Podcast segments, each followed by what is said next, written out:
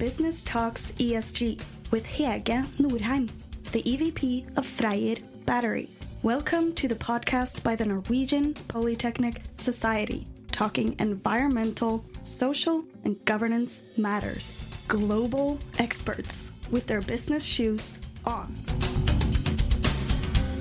Today I'm talking to Robert Pell, CEO and founder of Minviro, talking to me today from Singapore, attending a conference, but normally sat in London.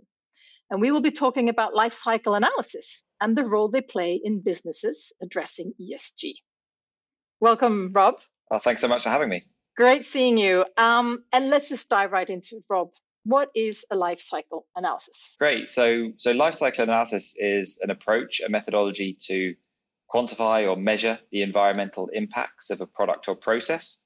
So, as an approach, it's been around for some decades. It's been used in some other industries, like um, in the pharmaceutical and, and uh, the construction sector, to, to measure the environmental impact of those products. Um, but we see it across many sectors today, and, and where it's really come in, into focus is in the battery raw materials supply chain.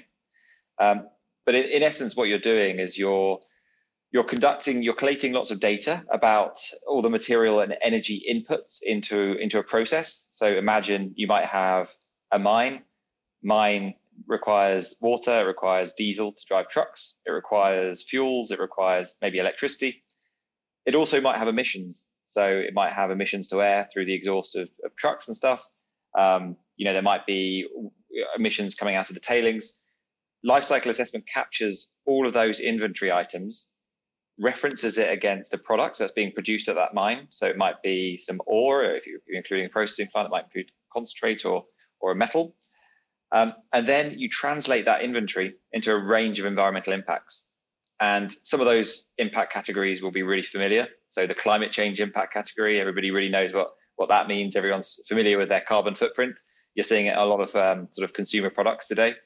But there's other sort of slightly more abstract impact categories, things like land use change, water related impacts, things like ecotoxicity, human toxicity, eutrophication. Um, and they're all important in their own way. Um, but the idea of life cycle assessment is, is you're really trying to understand the holistic view of the impact of a product or process. So, you know, if something might perform better from a climate change perspective, how does it perform maybe on land use change or water related impacts? Um, and it's got a, quite a history um, over these decades. It's developed its own standards, like its own ISO standards, uh, which you have to follow to make sure you have a robust methodology. Um, yeah, and it's it's coming into uh, use in, in lots of regulations these days as well. So great. So it covers a lot of different environmental issues, um, as you just mentioned. And the idea is, of course, that you then also can you can you can take it f- sort of coming out of a mine, or you can follow it through to to a processing facility and through and through that even into a, a manufacturing uh, or assembly facility, right? So it depends a bit. You can define the scope for the LCA, right?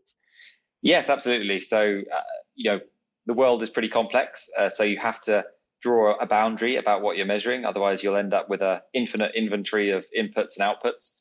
So, you know, typically, if we're talking about, and I suppose, you know, one thing to say is life cycle analysis is a really useful approach um, for quantifying the environmental impacts of low carbon transition technologies. So, when we're talking about batteries, we're talking about photovoltaics, about wind turbines, because obviously we're using, we're, we're adopting these technologies because we're trying to solve you know some big challenges related to climate change and maybe some other other impacts. Um, and life cycle assessment really does allow you to to make this comparison. And and you're absolutely right. It can be. Imagine you can draw the system boundary to the production of a product. So that might be the production of a metal or the production of a of, of a wind turbine. But you also have the use phase of that wind turbine and the end of life. And life cycle analysis allows you to go, you know, measure a bit of that or measure the whole value chain. And and the language that's used in, in life cycle analysis is cradle to gate, which would be at the point of the product delivery, or cradle to grave, which would be from yeah, the production right from the mine through to the production of the of the product, and then the use phase. And actually, the um, a, a, new term that's getting sort of more commonly used and sort of linked to the circular economy approach is cradle to cradle. We are actually including the end of life recycling of that product and putting it back into a new cycle that's exciting. So um, let's just dive a little bit into the details here. uh, it sounds like a huge amount of data, and and and so I, I'm you know you talk about secondary and primary data in this work. Explain that to us. Yeah, so I mean the process is inherently data intensive. It's it's it's a modeling approach, um, and sometimes you have well, I don't think there's any there's ever been a, a, scenario where I've got all the data I want to get primary data through a whole life cycle assessment because you're going right back up the supply chains. But there's two real um, distinctions between primary data and secondary data. Primary data would be, say, um, data that you've collected uh, directly from from a source, so you know exactly where that data's come from. It might be, yeah, an example of that might be you you've actually measured uh, the amount of electricity that you're you're consuming directly, or you know how much you've, you've paid for it. You know that people watch that very closely because it has an economic impact. Secondary data might be a little bit more abstract. You might be using sort of an industry average data point. It might represent, if we look back in sort of the, the battery supply chain, um, background data set might include, you know, what's the, if you don't know specifically where you're getting your lithium from, it might include the average impact value for lithium production globally. But what we're seeing is there's a there's a real transition in the industry at the moment um, to try and get representative impact data for your specific supply chains. So, and that's really important because you know lithium produced from one mine versus another brine can have very very different embodied impacts. Hmm. And and, uh, and take me into the world of primary and second, or take me into data when it comes to biodiversity, for example, or you know some of these other uh, nature impacts. do we agree as a world on how to measure that, how to express it, what metrics we should use? Um, I think what you know one thing to consider is the impacts. Um, you know they're they're created in the world of academia generally, and so you know it's there's constantly progressing. There's constantly improved methodologies about how to, to calculate these impact categories. I mentioned that they're you know they're quite abstract. They cover things like climate change, and then the toxicities, and then the land use um, and water related. But they all try and sort of branch back to three sort of endpoint impact categories. So you know, one, how is it influencing, you know, humans and human health? Is it having impacts on the environment um, and therefore the biodiversity?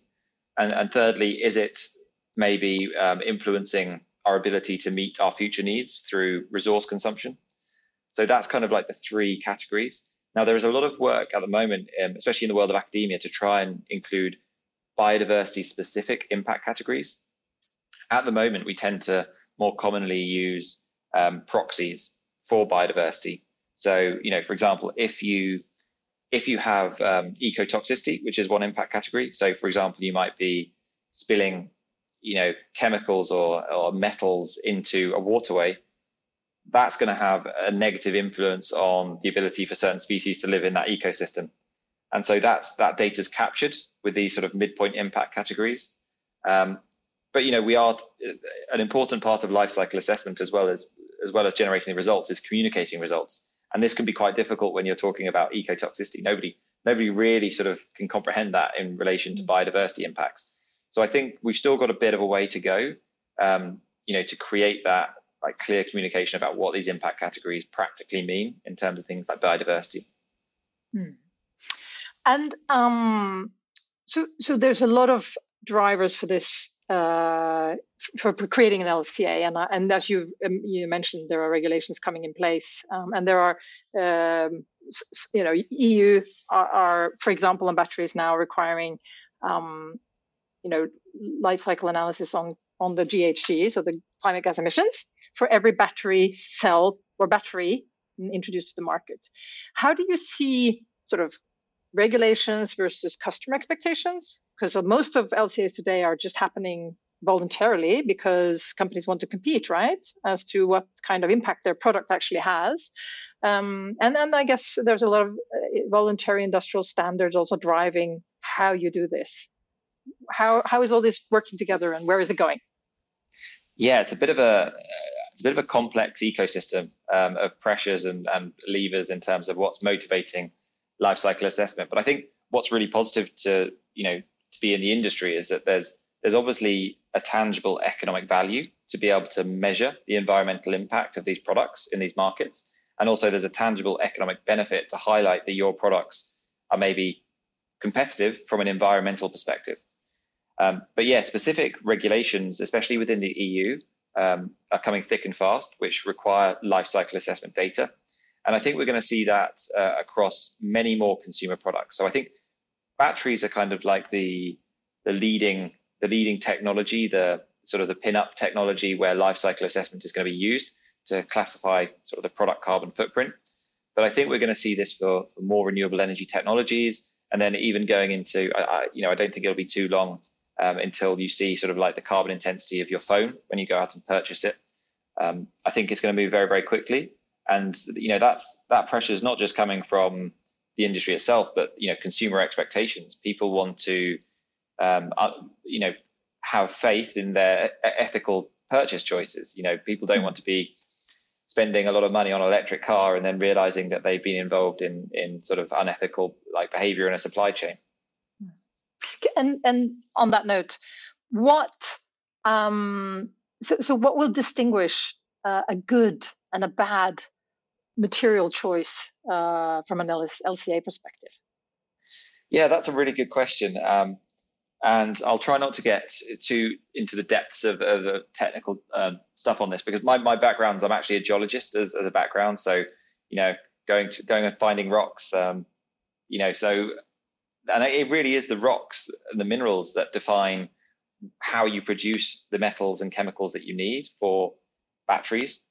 Hmm. Um, so, for example, you you can't choose where, say, lithium deposits are located around the world. You can't choose where nickel deposits, and they're, they're all slightly different. They're all intermingled with different elements and, and materials, and they require different processing routes. They require different mining processes to get this material out.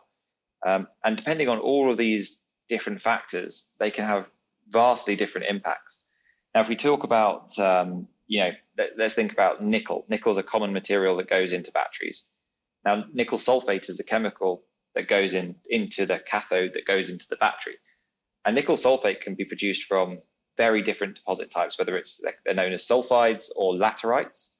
Um, and and those laterites, which is sort of a common production route, they, they come from lots of different places in the world, but a place where we're seeing a lot of growth is in Indonesia. And Indonesia, um, you know, they often have to have a, a quite high energy intensive process to, to liberate the materials that they require and, and refine it into these high purity chemical products.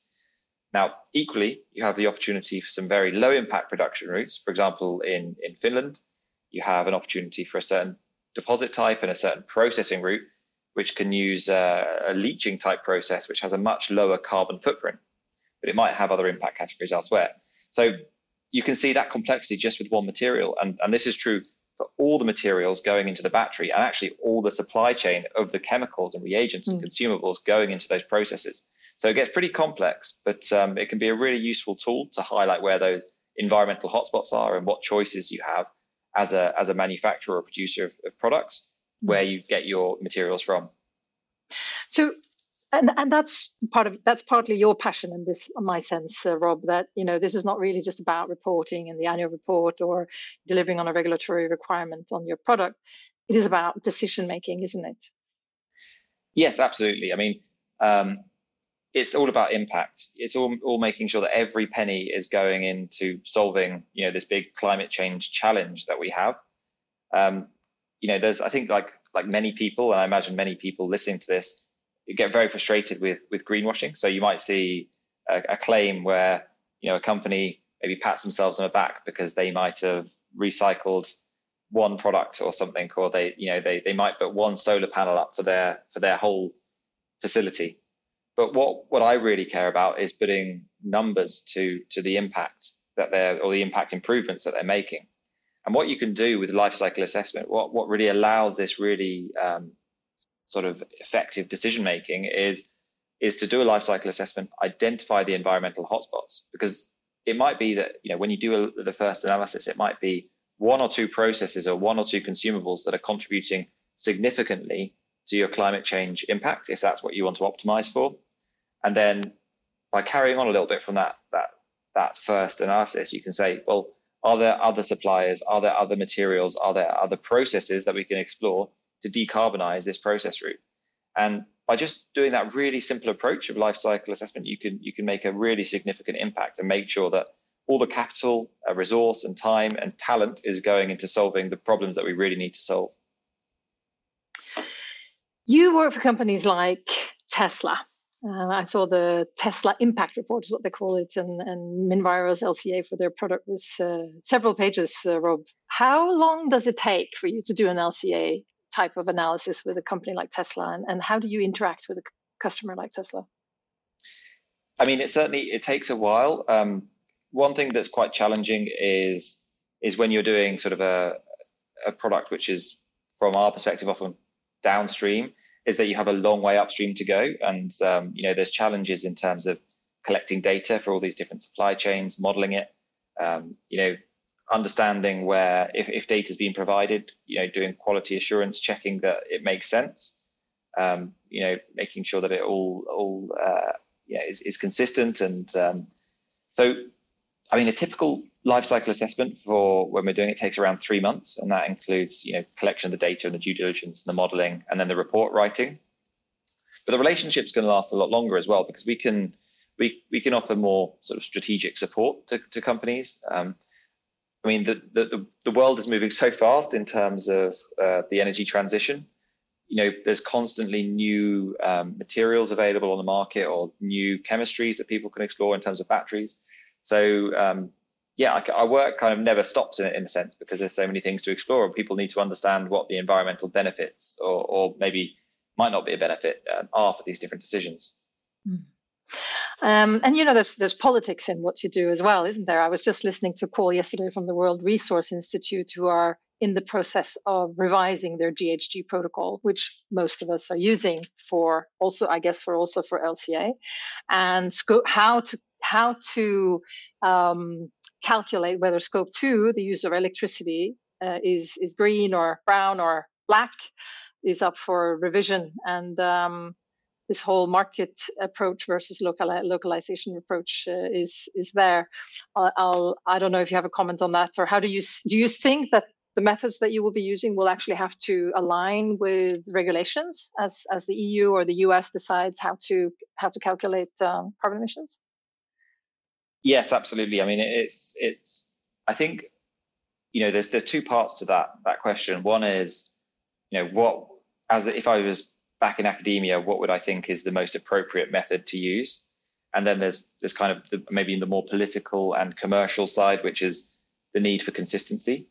Um, I mean, the European the European uh, like Commission and guidelines they they talk about uh, and the Critical Raw Materials Act. I mean, references a level playing field and so that kind of identity you know, highlights that there's a real need for consistency you can't have some companies or some products using one approach and another just to just to meet the you know the needs that they might have for have a lower impact product it really needs to be consistent and fair across the board mm. um, yeah and from a scientific uh, you know from a personal view i think it's uh, you know you should really try and when you're doing a life cycle assessment you're trying to reflect reality as closely as possible and so you shouldn't create any like special rules uh, for electricity. Um, it should be the same as if it was any physical material flow. Um, you should really try and model it as, as closely to that. But um, I know that there's many uh, very good life cycle assessment practitioners that have very different views on this very topic. So, oh, so it's not a not a resolved one. Rob, you're a true green entrepreneur in one of the world's most dirty businesses, metal and mining. How come you succeed in that? I suppose firstly because there's so much work to be done, because it's uh, an industry which I suppose is has traditionally been quite conservative and is still, you know, in certain areas still quite conservative. So, um, and that that's not really flying with where the mining industry has suddenly found itself as the feedstock of the low carbon transition. So, um, you know, the transition is having to having you know having to curve very quickly, um, and mining companies are going to uh, have to change behaviors and that's not to say, I mean, there's a lot of the incumbent mining companies that are that are changing very quickly and you know, transitioning to much lower impact production processes.